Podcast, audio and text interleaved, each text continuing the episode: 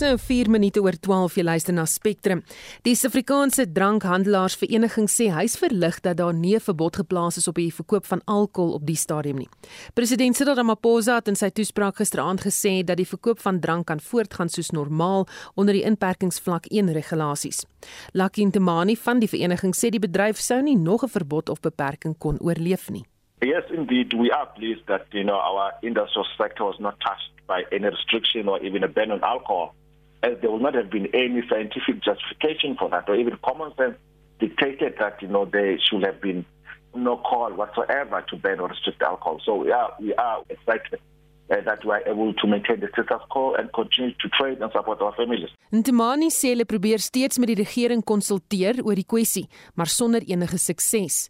Hy sê daar steeds geen bewyse dat alkohol en COVID-infeksies enige iets met mekaar te maak het nie. Government still refuses to talk to us, but we always knew that, you know, as industry, we certainly have nothing to do with the rise in the number of cases. If you look at September, when we allowed to fully trade uh, over a seven-day period, the numbers were moderate up to the last week.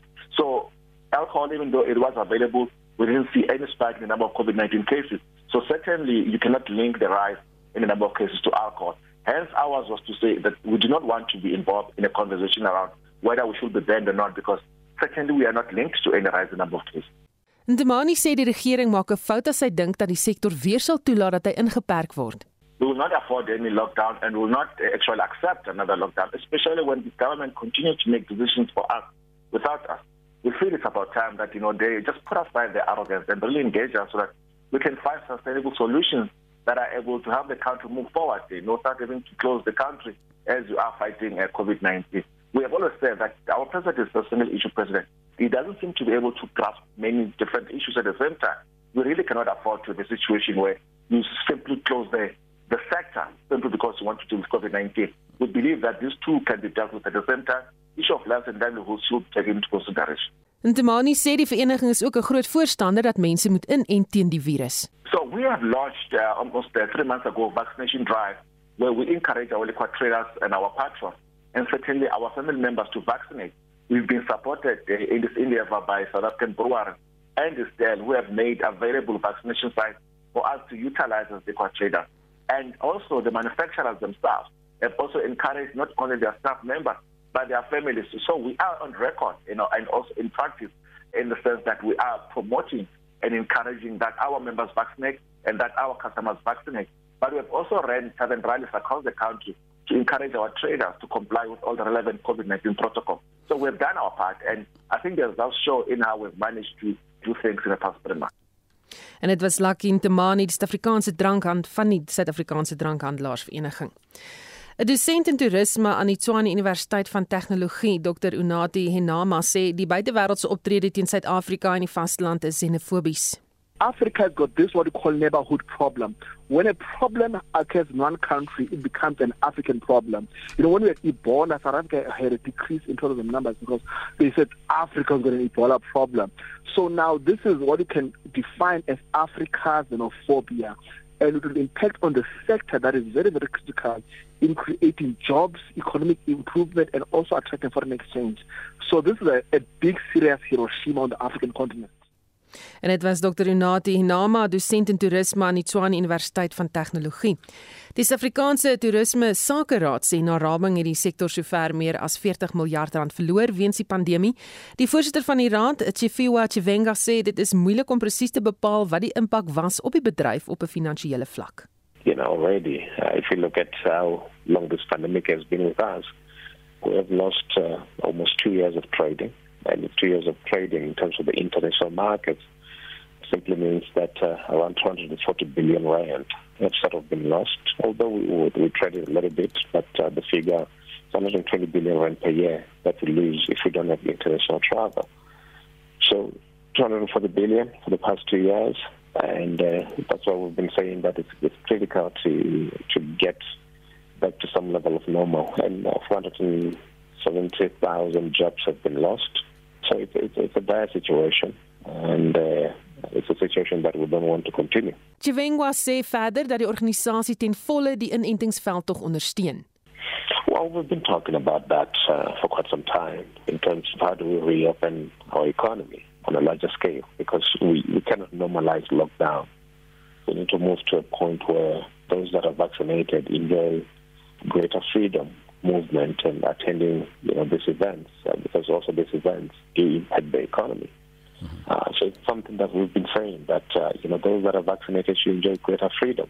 As far as introducing the the vaccine passports in terms of entering places. Uh, again, we do welcome the fact that uh, the president has set up a task team to deal with the situation and, and make some recommendations. It's not an easy thing because we do have a very empowering constitution, but we need to look at uh, how we're going to get out of this. And, and, I think this is an emergency whereby uh, we need to, to figure out our way out of COVID or living with COVID, but doing greater things and participating in, in much more activities uh, you know, within the economy. So uh, it, it is with that, uh, you know, we welcome the engagement and, and hopefully we'll get to a point where there's consensus that uh, this is important. I don't think anyone wants to get into, you know, mandatory vaccination willingly. You know, if I think it's a situation where, you know, us as citizens need to make a, the right choice, and the right choice is to be mm-hmm. vaccinated. We shouldn't be forced. We should do it willingly for the sake of ourselves and for the sake of the economy. En dit was uh, Chifiwa Chivenga, die voorsteur van die Suid-Afrikaanse Toerisme Sakeraad. Ons praat nou ook met die navorsingsdirekteur by die Navorsingseenheid Trees aan die Noordwes Universiteit, professor Elmarie Slabbert oor die impak van die gebeure op die toerisme sektor. Goeiemôre Elmarie. Elmarie is daar nie by hoor? Daar, sy, nou het ons vir op die ja. lyn. Ehm um, is daar al data beskikbaar oor hoe hard die toerisme sektor getref is deur die pandemie die afgelope 2 jaar? Jong, volgens die Wêreldtoerisme Organisasie, die toerismebedryf het ek ons 'n bietjie kan terugvat. In 2018 78% bygedra tot die bruto binnelandse produk. En toe sien ons 'n daling in 2019 met 'n bydra van 6.9% en in 2020 3.7%. Dit net as ek net dink aan die afname in toeriste getalle van 15.8 miljoen in 2019 na 5 miljoen in 2018 en dan 2.8 miljoen in 2020 dan kan ons duidelik sien Suzanie weet hoe hard dit eintlik die toerismebedryf getref het. Hmm. Is daar spesifieke sektore binne die toerismebedryf wat swaarder trek as ander? O, dit verseker so. Sektore wat groot gebeurtenisse en konferensies aangebied het, trek baie swaar aangesien daar steeds beperkings is op gestalle om hierdie gebeurtenisse te kan bywoon. En ek dink ook met die toename in werk deur middel van platforms soos Zoom, het akkommodasie eenhede, jy weet, ook baie swaar gekry met verskeie gevalle wat uh, wat toegemaak het en dat daar daar drastiese afname was in besigheidstoerisme. Ek dink selfs as ons kyk op 'n meer informele vlak kyk, jy weet ek dink baie keer kyk mense dit mis was daar baie klein besighede wat voorspeel getrek het uit toerisme wat byvoorbeeld curios en hout en so aangekoop het nie en het geen inkomste gehad nie. So dit is verseker dat daar verskeie sektore is wat harder getref is. Hoe lank kan die sektor voortgaan op die manier of moet mense maar net aanpas? Susan, ek dink die realiteit op die stadium, jy weet, is dat dit lyk asof hierdie pandemie nie gou die trekpas gaan kry nie en dat ons moet aanpas om daarmee saam te leef. Ek dink dat mense ontstel, jy weet, dat die toerismebedryf elke keer toegemaak word of beperk word en dit is 'n baie groot knou vir die vir die ekonomie en verskeie gesinne wat afhanklik is van van hierdie inkomste. Ehm um, so ons moet aanpassings maak. Ek verskeie mense is reeds geënt en uh, en mense moet aangemoedig word, jy weet, om om meer te gaan vir inenting sodat ons nie onder hierdie streng um, beperkings, jy weet, hoef te leef nie. Ek dink dinge soos maskers en sanitering sal verseker bly, maar um, ek dink alle Suid-Afrikaners sal moet besef die verantwoordelikheid, jy weet wat elkeen het um, en die rol wat hulle speel in die beperking van die pandemie. Die president het gesê ons bly op vlak 1, maar die skade van internasionale toeriste wat reise kanselleer is klaar gemaak reg. Jy is heeltemal reg. Ehm um, Susan, jy weet die onmiddellike aksie van Brittanje het ons groot skade gemaak en die lande wat gevolg het. Wat onmiddellik gebeur, weet is dat toeriste twyfel. Hulle wonder is dit nou veilig om te reis? Is dit nie veilig om te reis nie?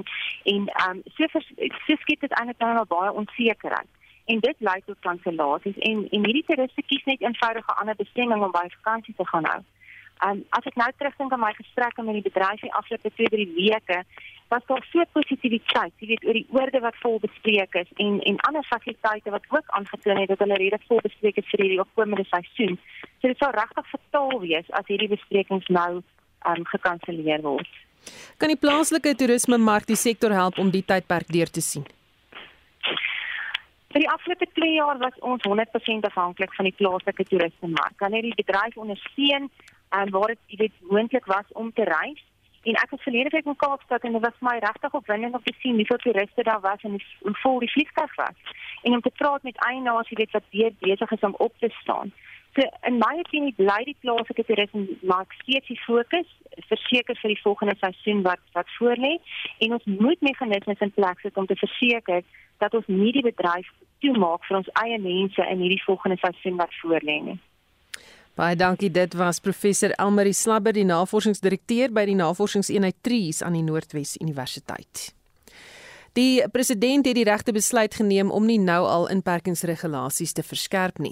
Dis die mening van professor Shabir Madi, die dekaan van die fakulteit geneeskunde by die Universiteit van die Witwatersrand. Die president het gisteraand in sy toespraak gesê dat die land op vlak 1 van inperking gaan bly. Madi het vroeër aan SAK nuus gesê dat dit die gesondheidsorgowerheid 'n kans gee om op provinsiale vlak die pandemie te bestuur. I think we just need to reflect on what has transpired in South Africa and what impact uh, restrictions has had. Restrictions by no stretch of the imagination has uh, prevented people from getting infected. If it had worked, we wouldn't have had 65 to 80 percent of the population being infected during the course of the past three waves. So the only role for having some sort of restrictions at some point in time, given what we've experienced over the past three waves, is if healthcare facilities are coming under threat. And even then, it can't be a national approach. It has to be a regional approach at the regional level, you're able to estimate if your facilities are going to come under threat, and you're probably wanting to then impose some sort of restrictions, probably about two to three weeks before the projected time when healthcare facilities will come under threat. So definitely a correct decision. Madi sê hy sal verbaas wees as die enstof nie enige beskerming bied teen die nuwe variant nie. So the short answer is we don't know as yet, but I would be highly surprised if vaccines don't protect against severe disease and death. I do think that we will see breakthrough infections occur because of this variant, because it will have some resistance to the antibody activity that's induced by different vaccines. And in fact, different vaccines will perform different, differently in terms of how well they protect against infection and mild disease. But when it comes to protecting against severe disease, all of the vaccines are very likely to, to maintain high levels of protection. And the reason for that is that there's another arm of the immune system, which is known as T cell immunity, which is much more diverse in its response and is relatively unaffected by the type of mutations that are mainly occurring with spike protein that reduces the virus susceptibility to antibody activity. Maar die sê daar sal meer duidelikheid wees oor die doeltreffendheid van die enstof in die volgende 2 tot 3 weke. Right, so for from the laboratory we should start getting results in about 2 weeks at the latest in terms of uh, whether the antibody activity is greatly diminished against the variant but like I said that's not the only thing we need to look at. And then from a clinical perspective, probably two to three weeks from now as well. Uh, because the severe disease and death usually lags behind the infections occurring in a community by about two to three weeks. So if we start seeing massive increases in hospitalization and death in the next two to three weeks, which exceed what we should expect based on past experience, then we really need to be concerned. But I'm still optimistic that's not going to be the case. Madi sê dit is ook belangrik dat mense met onderliggende mediese toestande wat hulle immuunstelsel onderdruk, 'n versterkingsdosis moet kry. Uh, yes, certainly anyone that has already received a single Johnson & Johnson vaccine, it does provide protection against severe disease, but it provides much greater protection against severe disease and death with two doses. So anyone that had a single shot of J&J vaccine absolutely should be receiving a second dose, either of the J&J vaccine or the Pfizer vaccine in fact. And then in addition to that, people that are above the age of 65 and people with underlying medical conditions that suppresses their immune system, even if they've received two doses of the Pfizer vaccine, they should receive a third dose of the Pfizer vaccine immediately. And we should remove the obstacles of requiring those type of people to have a medical certificate for them to be eligible for a third dose of the Pfizer vaccine. Maar is van mening dat die mensdom nooit kudde immuniteit teen COVID-19 sal kan behaal nie. Uh, absolutely, and I think that's sort of the global consensus. There's still a few countries that are giving booster doses of vaccine with a pipe dream that we will get to herd immunity. Uh, but that is a waste of vaccine, which could otherwise be better used to save lives in those countries that haven't got access to vaccine. So the virus is going to be with us for the rest of our lifetimes, uh, but hopefully we're going to get on top of the virus in so far as we'll have the tools available to us to protect against what matters most, and that is severe disease and death. En dit natuurlik professor Shabir Madi, die dekaan van die fakulteit geneeskunde by die Universiteit van die Witwatersrand. 'n Ander nuus, se breinsprinkaan plaag het weer dele van die Noord-Kaap getref. Dit volg na verlede maand se goeie reën. Ons praat nou met die adjunkpresident van Agri Noord-Kaap, Willem Simington. Goeiemôre Willem. Goeiemôre Susan, môre aan jou luisteraars ook. Hoe erg is die plaag op die oomblik? Ons het baie sprinkane op die oomblik in die Noord-Kaap, maar uh eh, tereg soos wat jy gesê het, dit is omdat ons besig is om baie lekker vroeë somerreën te kry. Dit is een van die hoofdinge wat 'n sprinkaan nodig het om uit te broei is voldoende reën. So ons vat op die oomblik die uh suur same, die soet. Ons het reën gekry, maar ons moet ook die sprinkane doodmaak. Hoeveel verwoesting het hulle al gesaai? Nee, ons is gelukkig aan die begin van die seisoen. Uh soos hulle uitbroei, is hulle nog klein voetgangertjies. So die verwoesting is nog nie groot nie, maar die, die omvang van die swerms is wel geweldig groot en die mense wat bespuiting doen, spuit geweldig groot hoeveelhede uh, swerms. Verwag julle die plaag gaan vererger?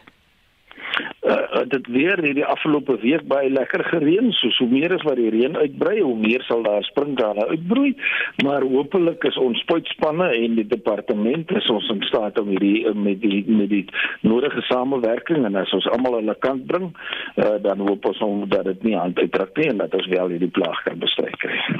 Die springkane lê ook weer eiers wat wag dan nou vir die volgende reën om uit te sak. Kan mens dit keer?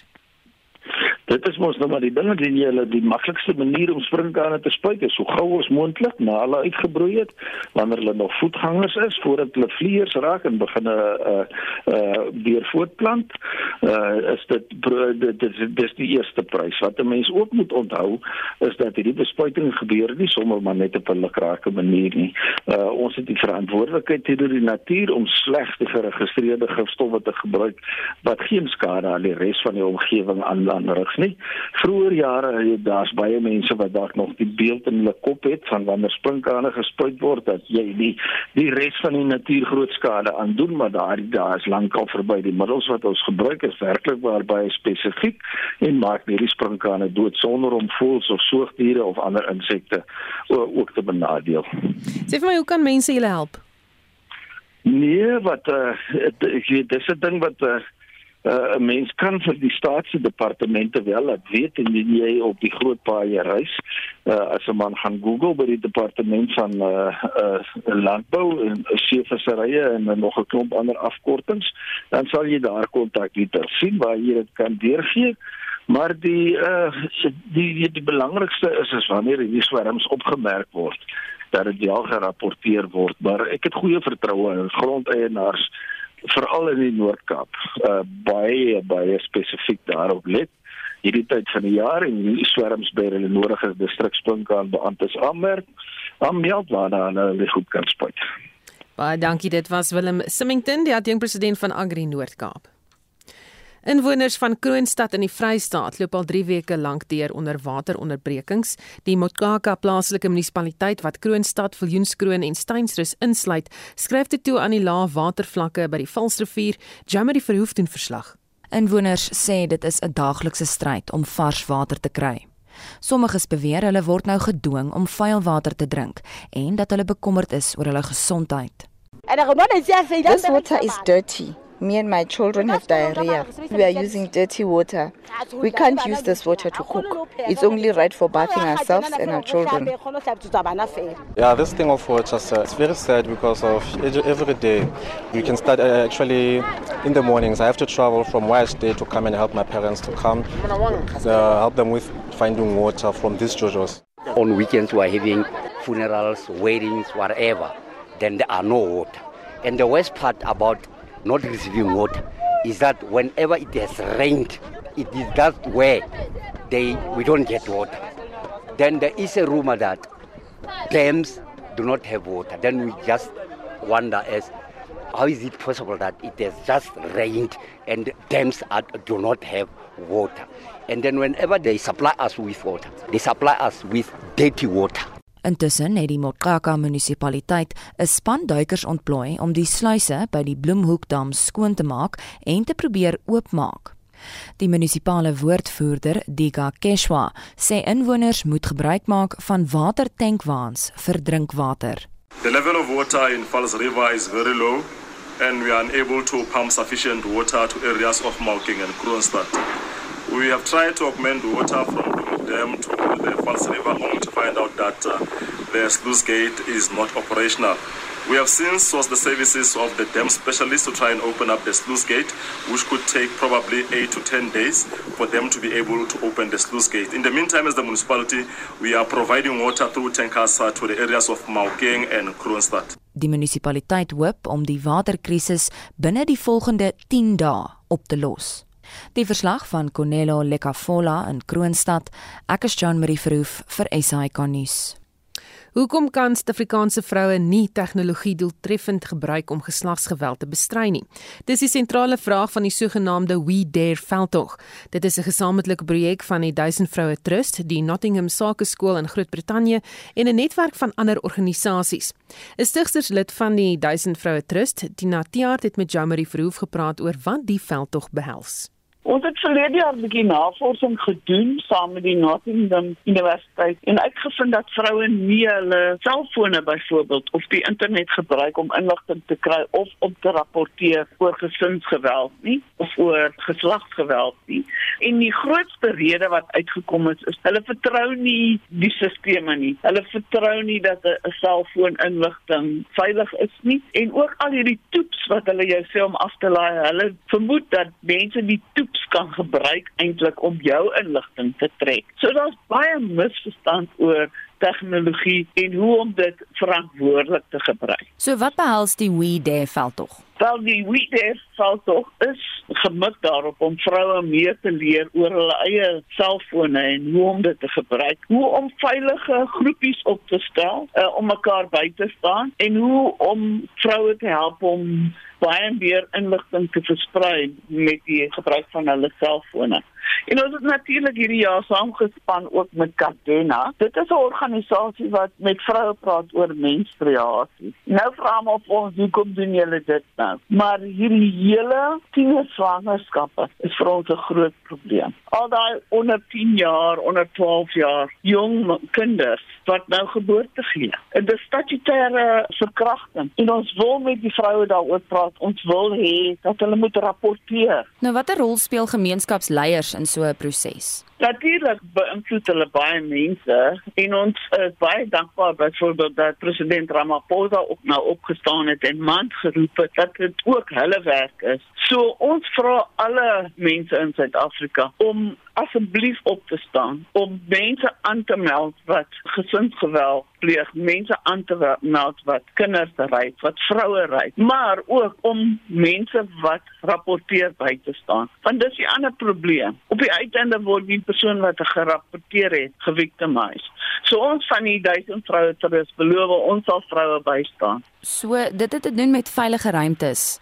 Waarom is daar so min veilige ruimtes waar vroue hulle stories kan vertel of traumaberading kan ontvang? Ek dink dit is om omdat ons tog baie swak idees het oor mental health. Jy weet, jou geestelike toestand. En daarom is dit so half in die agterhoekie ingedruk. Maar ons het al reeds 7000 vroue gedurende hierdie inperkingstyd opgelei om mekaar te ondersteun. En ons doen dit nog steeds. Ons is elke dag besig om vroue op te lei. Ons glo dat ons vroue moet ondersteun. Ons moet nou saam met hulle na die polisie gaan en kyk en seker maak dat hulle reg gerapporteer het, dat hulle op hulle regte kan staan. Tina kan ons laasens net 'n bietjie praat oor hoe tegnologie ingespan kan word om geslagsgeweld te bestry. Wel, eerstens het ons alreeds in die inperking in 2020 ons eie taal ontwikkel deur klein hartjies te gebruik. As jy my oranje hartjie stuur op my WhatsApp, eh, dan kan ek onmiddellik weet jy het nou hulp nodig. Ek moet bel, ek moet gaan, ek moet help. By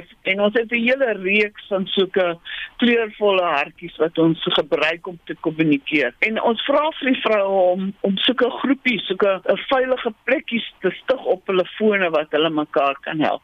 Natuurlik werk ons ook met maatskappye wat toepassings ontwikkel en ons is nou juist besig om te werk met 'n organisasie wat al die veiligheidsmaatskappye inspan. En ons gaan so 1200 maatskappye wat ook dan kan reageer en kan help op daardie toepassings. Ons werk met vroue meer leer oor tegnologie. Hulle moet meer betrokke raak by tegnologie sodat hulle hulle kinders ook kan beskerm, hulle self kan beskerm, maar natuurlik dit as 'n hulpmiddel gebruik want dit is wat dit veronderstel is om te weet. En dit was die Natiaart, die stigterslid van die Duisend Vroue Trust in Jamari Verhoef het met haar gepraat.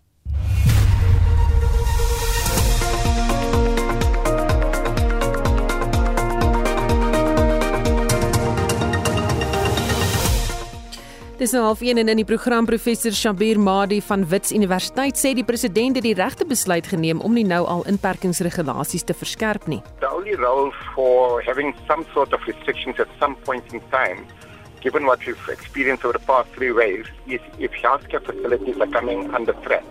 And even then it can't be a national approach. It has to be a regional approach Nog universiteite keer verpligte COVID-19 inentings vir studente en personeel goed en 'n veldtog om veilige ruimtes deur tegnologie vir slagoffers van geslagsgeweld te skep. Ons glo dat ons vroue moet ondersteun. Ons moet nou saam met hulle na die polisie gaan en kyk en seker maak dat hulle reg gerapporteer het, dat hulle op hulle regte kan staan. Bly ingeskakel. Daar is geen verkeer. In Gauteng staan 'n voertuig op die N12 Wes net voor Kumaro Straat, dan in KwaZulu-Natal was daar 'n botsing op die N3 Wes net voor die Markweg afrit, dis in die linkerbaan, en dan in die Weskaap Kaapstad was daar 'n botsing op die N2 stad uit net na die Spek Parkweg, linkerbaan toe daar en dit is jou verkeersnuus. Terug na een van ons hoofstories van die dag en dis nuus oor COVID-19. Die minister van Gesondheid, Dr. Joe Pagla, sê daar's geen rede tot paniek oor die nuwe Omicron variant nie. Hy het vanoggend 'n media-konferensie oor die saak gehou en Justin Kennerly sluit nou by ons aan vir meer oor die storie. Justin, is die regering bekommerd oor die nuwe variant? Wel, minister Pagla sê hulle weet mense is bekommerd oor die nuwe vari uh, uh, nuwe variant. Dus het hulle die media-konferensie gereël om mense gerus te stel maar die regering bly koelkop op die stadium. We want to say to all South Africans that there is absolutely no need to panic. There is just no basis for um, uh, some of the uh, leaders of countries which have imposed uh, these restrictions on traveling for, uh, uh, for, for us in South Africa and other countries in Southern Africa. There is no basis for South Africans to panic. We've been here before. This is no new uh, territory. We are, we are now more than 20 months experience in terms of uh, the COVID-19, the various variants, uh, the various waves. It's often said you're better off uh, dealing with an enemy you know than an enemy you don't know.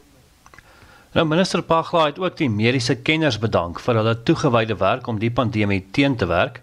Hy sê daar is nog baie werk wat voorlê in die ontleding van die nuwe variant. Our medical scientists, our epidemiologists, our clinicians are, are working daily, hourly studying this virus, its characteristics and its impact on on on us as uh, as human beings. We still have to uh, understand the transmissibility of this virus, a matter which our scientists and epidemiologists are working on, whether there is any age differentiation in terms of uh, its uh, transmissibility and, and, and, and, illness, whether there's uh, increased reinfection uh, for those who had already been infected before, and including also breakthrough infections for those who are those of us who are uh, already vaccinated, and also to, to the extent to which uh, the vaccines remain of, of, of serious protection. Hy hoop dat die ontleding binne die volgende week of 2 voltooi sal wees. Justin Pagla sê ook dat hulle gesprekke voer oor die reisverbod op Suid-Afrika. Ja, die regering probeer die talle lande wat 'n reisverbod of beperkings ingestel het, daarvan oortuig om dit op te hef. Hy sê 'n reisverbod is geheel en al onnodig. In doing this, we are happy that we are supported by the World Health Organization. Just yesterday afternoon, uh, I had an engagement on the request of the U.S. Secretary for Health and Human Services, Mr. Uh, Javier uh, Becerra. And um, Mr. Becerra expressed his appreciation of our medical scientists and, and also appreciation of the stance of South Africa in terms of making sure that as soon as we knew that there was this variant had been identified, we're ready to share the information uh, with the world. And so my message to him when he asked, what is it which they can do to support us? I said, what you can do is to uh, say to your uh, president and your government that the travel bans are not helping us. They're just making things more difficult. And it's in contradiction to what you are saying that as, as, as, as the, uh, the American government, you are actually in support of the, the approach which we have taken. And Minister Pando and, and various ministers and the president are also engaging leaders of various countries in, in, in Europe and, and the Americas. Nou die WHO, dis die Wêreldgesondheidsorganisasie, het vanoggend vergader oor die nuwe variant. Ek dink hulle vergader nog steeds en die wêreld se reaksie op die pandemie in die algeheel. Die Suid-Afrikaanse afvaardiging het uh, ook van die geleentheid gebruik gemaak om protes aan te teken teen die reisverbod en die steun van ander lande te werf oor die kwessie. Die epidemioloog en lid van die Wêreldgesondheidsorganisasie se wetenskapsraad, professor Salim Abdul Karim het ook sy insigte gelewer. Ja, professor Karim sê groot dele van die wêreld is deur die begin van 'n vierde golf getref en hy het voorbeelde van die tweede en derde golf gebruik om te verduidelik hoe hulle kan voorspel dat 'n vierde vlaag hier is. Our main concern And why are we concerned about variants is because of what we've seen in other countries and indeed in our own country. The Delta variant drove a severe wave in India. We saw how the Gamma variant drove the epidemic in much of southern Af- uh, southern America and in our own country we saw how the beta variant drove our second wave and the delta variant drove our third wave. And so we have some idea of the challenges we grapple with in dealing with each new variant. Het in September reeds voorspel dat 'n vierde golf deur 'n nuwe variant gedryf gaan word.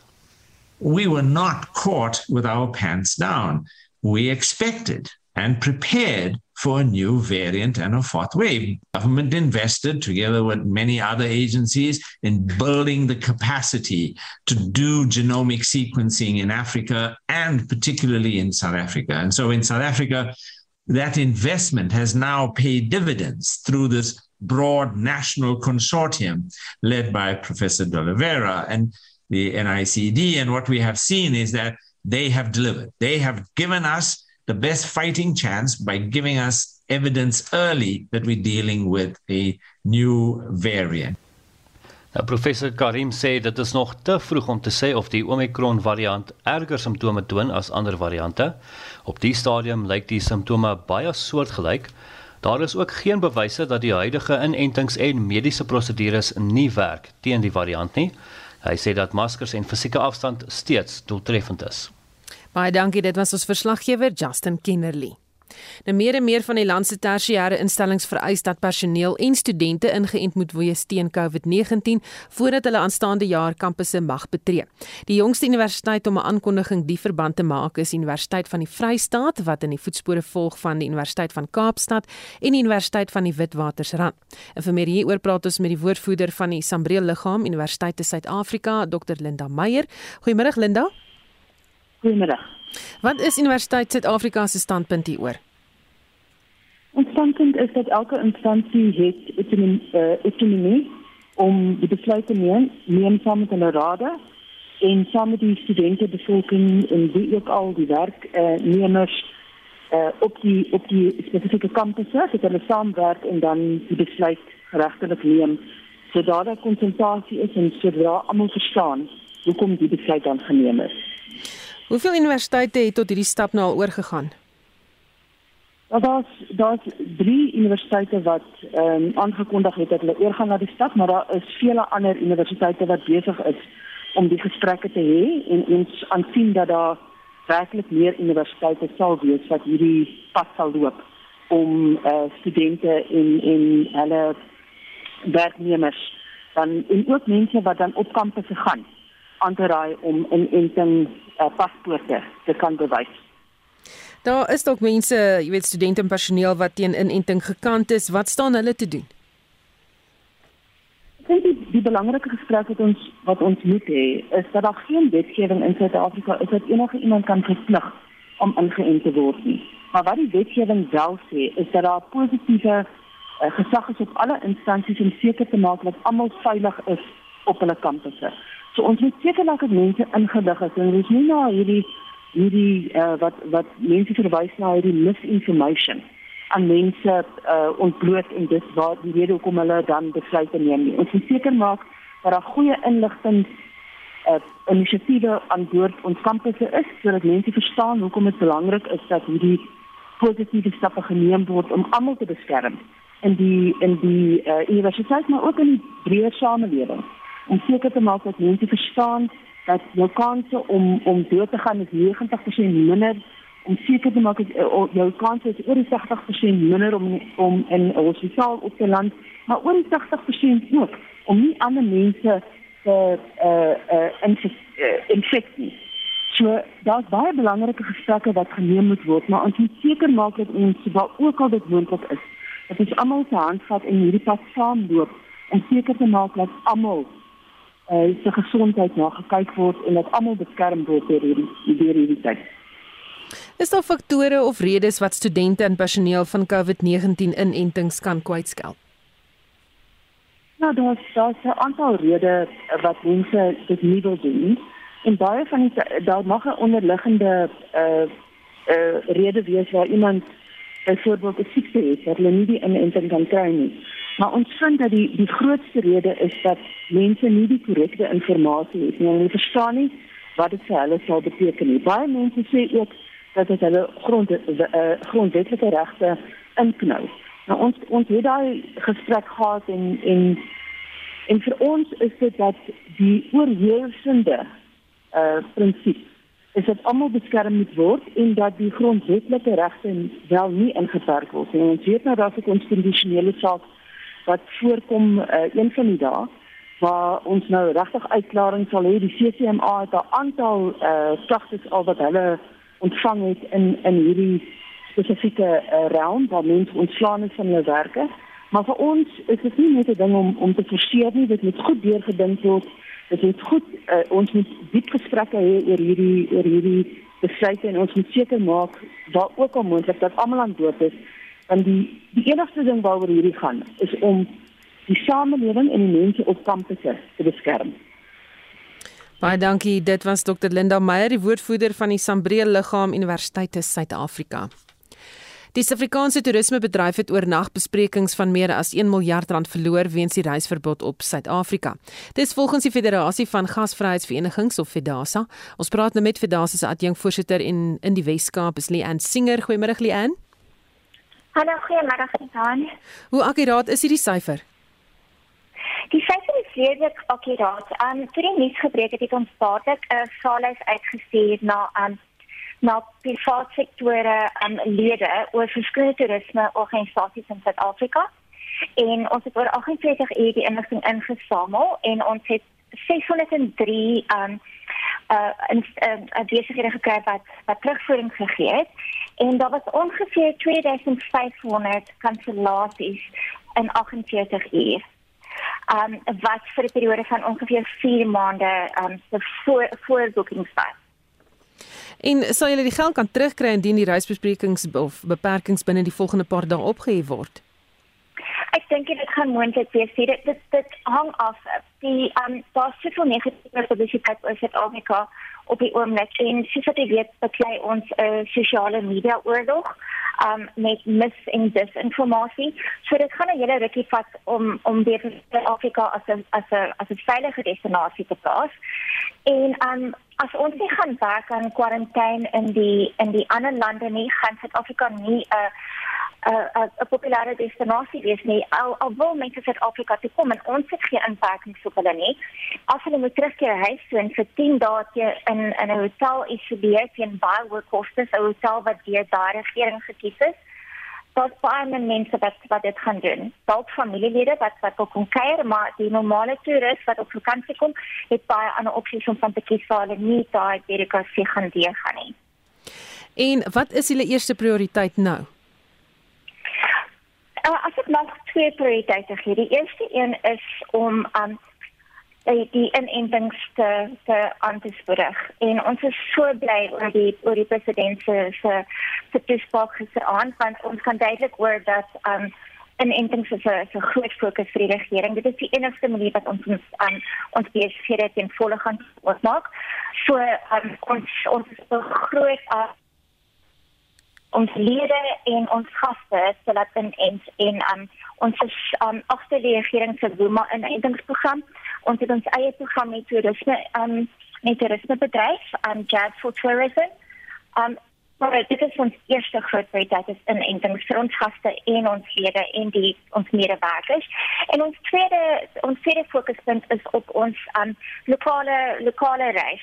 Dit is dit is ons diere, dit is ons ons oh, dit is al die reisigers van al die ander provinsies af wat ons het die diepste donkerste daardie gedra het en um hulle vorm nog steeds 'n baie groot deel van ons um seisonale reis hier in in Suid-Afrika so fokus is om is om um, op inentings en op um, wat hulle noem die domestic travel te fokus. En julle voer ook gereeld gesprek met die regering oor hoe sou jy die samewerking beskryf? Ah dit is dit is 'n uh, uh, dit is baie baie positief. Um die nuwe minister van toerisme, Lendile Sisulu, um het 'n het 'n het het um, van die begin af um, baie met ons saamgewerk. Al die verskillende verteenwoordigende liggame in toerisme en reisbedryf het 'n direkte lyn na die minister toe. Um, die minister het 'n toerisme breinskam ge, um, um, gemaak die naweek en van van ons kollegas was die hele naweek op die foon met die minister, met die verskillende premiere, met die um, burg nuwe burgemeester. So dit is regtig verfrissend om te sien wat die samewerking is tussen die regering. Ons is baie dankbaar vir ons nuwe minister vir die vir die vir, vir um vir die manier wat sy die die industrie help en dan ook vir ons mediese industrie. Jy weet ons ons akademiese ons professore wat so so um wêreld wêreld lees is in in hierdie gebied en ons is ons is bietjie moedeloos en kwaad vir die wêreld hoe hulle gereageer het oor die goeie werk wat Suid-Afrika gedoen het. Baie dankie, dit was Lee en Singer Fedasa se adjunkvoorsitter in die Weskaap. Die voorsitter van die Lugdiensvereniging van Suid-Afrika, Aaron Munetsi, sê die ontwikkelende lande se reaksie op die nuus dat daar 'n nuwe variant van die COVID-19 virus gevind is in Suid-Afrika was skokkend. Munetsi sê deur onmiddellik vlugte na en van Suid-Afrika te kanselleer sonder behoorlike konsultasie is onaanvaarbare optrede teenoor mense op die Afrika-kontinent.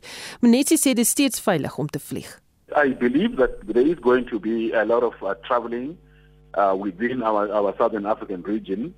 Um, but we are waiting with bated breath to see how uh, our president's message was taken by the, uh, the people that have put us on the ban list. We believe that they have been told everything that we have been saying.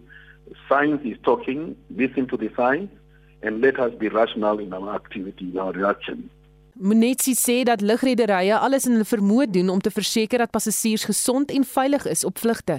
First and foremost, um, as, as an airline industry, what we do is we fly people and their goods from point A to point B.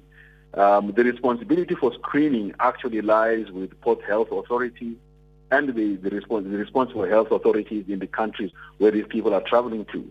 However, what we do is we also facilitate we want to make sure that whoever gets on board our aircraft is 100%, if not possible, 100% uh, secure. So it has been proven over and over again that traveling is safe.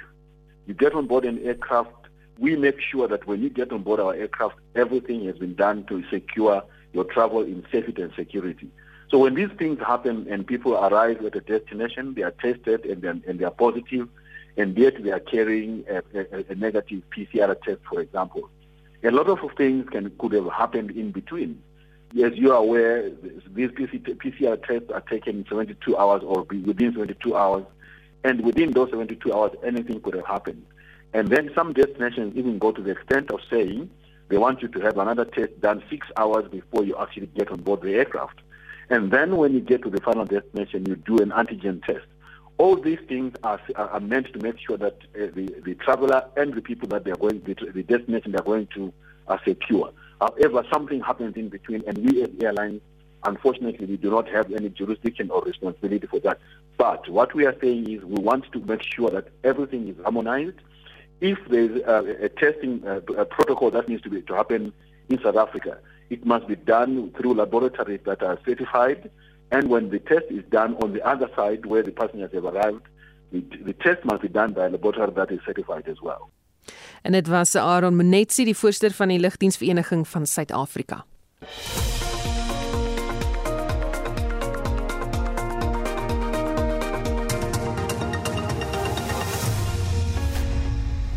1253 jy luister na Spectrum en die sake nuus word aangebied deur Franske Neitler, welvaartbestuurder by PSG Wealth Pretoria. Oos, goeiemôre Franske. Goeiemôre Susan. Op valita markte verhandel die rand wesentlik sterker op R16.10 teenoor die dollar, R18.18 teenoor die euro en R21.48 teenoor die pond.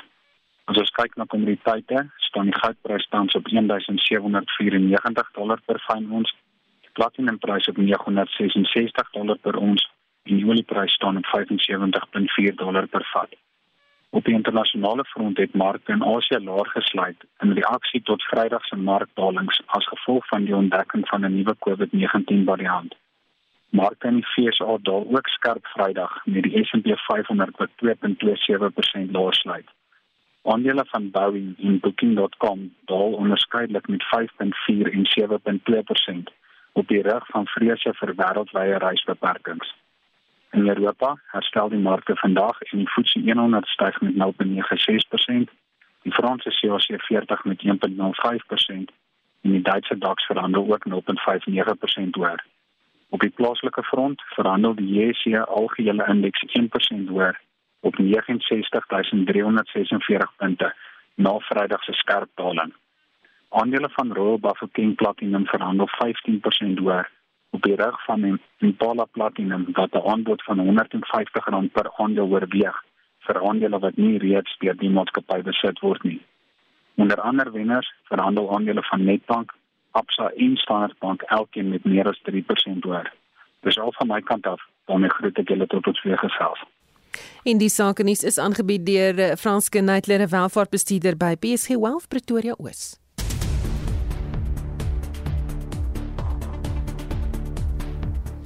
Jamari, wat is hoofnuus in die program en op sosiale media vandag? Die hitsmerk mandatory vaccination kry al hoe meer aandag op sosiale media. Dis een van Twitter se mees besproke onderwerpe vandag.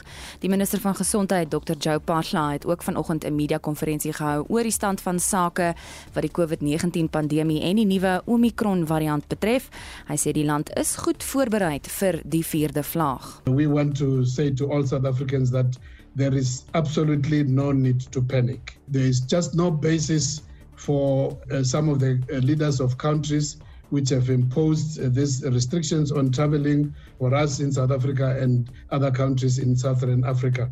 There is no basis for South Africans to panic. We've been here before. This is no new territory. We are now more than 20 months experience in terms of uh, the COVID-19, the various variants, uh, the various waves. Omgewingsnuus: 'n bruin sprinkaanplaag het weer dele van die Noord-Kaap getref. Die adjunkpresident van Agri Noord-Kaap, Willem Simington, sê skryf dit toe aan die afgelope goeie reën. Ons vat op die oomblik die uh, suur same, die soet. Ons het reën gekry, maar ons moet ook die sprinkrane doodmaak. Ons is gelukkig aan die begin van die seisoen. Uh soos hulle uitbroei, is hulle nog klein voetgangertjies. So die verwoesting is nog nie groot nie, maar die, die omvang van die swerms is wel geweldig groot en die mense wat bespuiting doen, spuit geweldig groot hoeveelhede uh, swerms. Ons bly by die omgewing. United Phosphorus Limited sê dat die natuur by die pakhuis in Cornubia in KwaZulu-Natal besig is om te herstel. Tydens die Julie onluste is die pakhuis met petrolbomme bestook wat tot 'n grootskaalse chemiese ramp gelei het. UPL Suid-Afrika se woordvoerder is Jafet Ngube. To date, UPL has spent over 287 million rand to mitigate the impact of the chemical spill caused by the attack on this warehouse. Because of these efforts, the independent specialist team of aquatic ecologists are starting to see animal and plant life returning to some of the most impacted areas on the river system. In some sections, basic life forms, bacteria, algae, even frogs' eggs and tadpoles are starting to recolonize and take up residence. In ander nuus is die veroordeelde moordenaar Asker Pistorius van 'n gevangenis in Pretoria geskuif na een in Kleiberga in die Oos-Kaap, dit om die slagoffer oortreder dialoog tussen Pistorius en Riva Steenkamp se ouers te fasiliteer. Pistorius het in Julie vanjaar reeds vir parol in aanmerking gekom. En dit was ons verslaggewer, Jean-Marie Verhoef. Die Noord-Kaapse polisie sê daar's 'n toename in die stroping van skaars bedreigde plantsoorte in die Namakwa-land streek.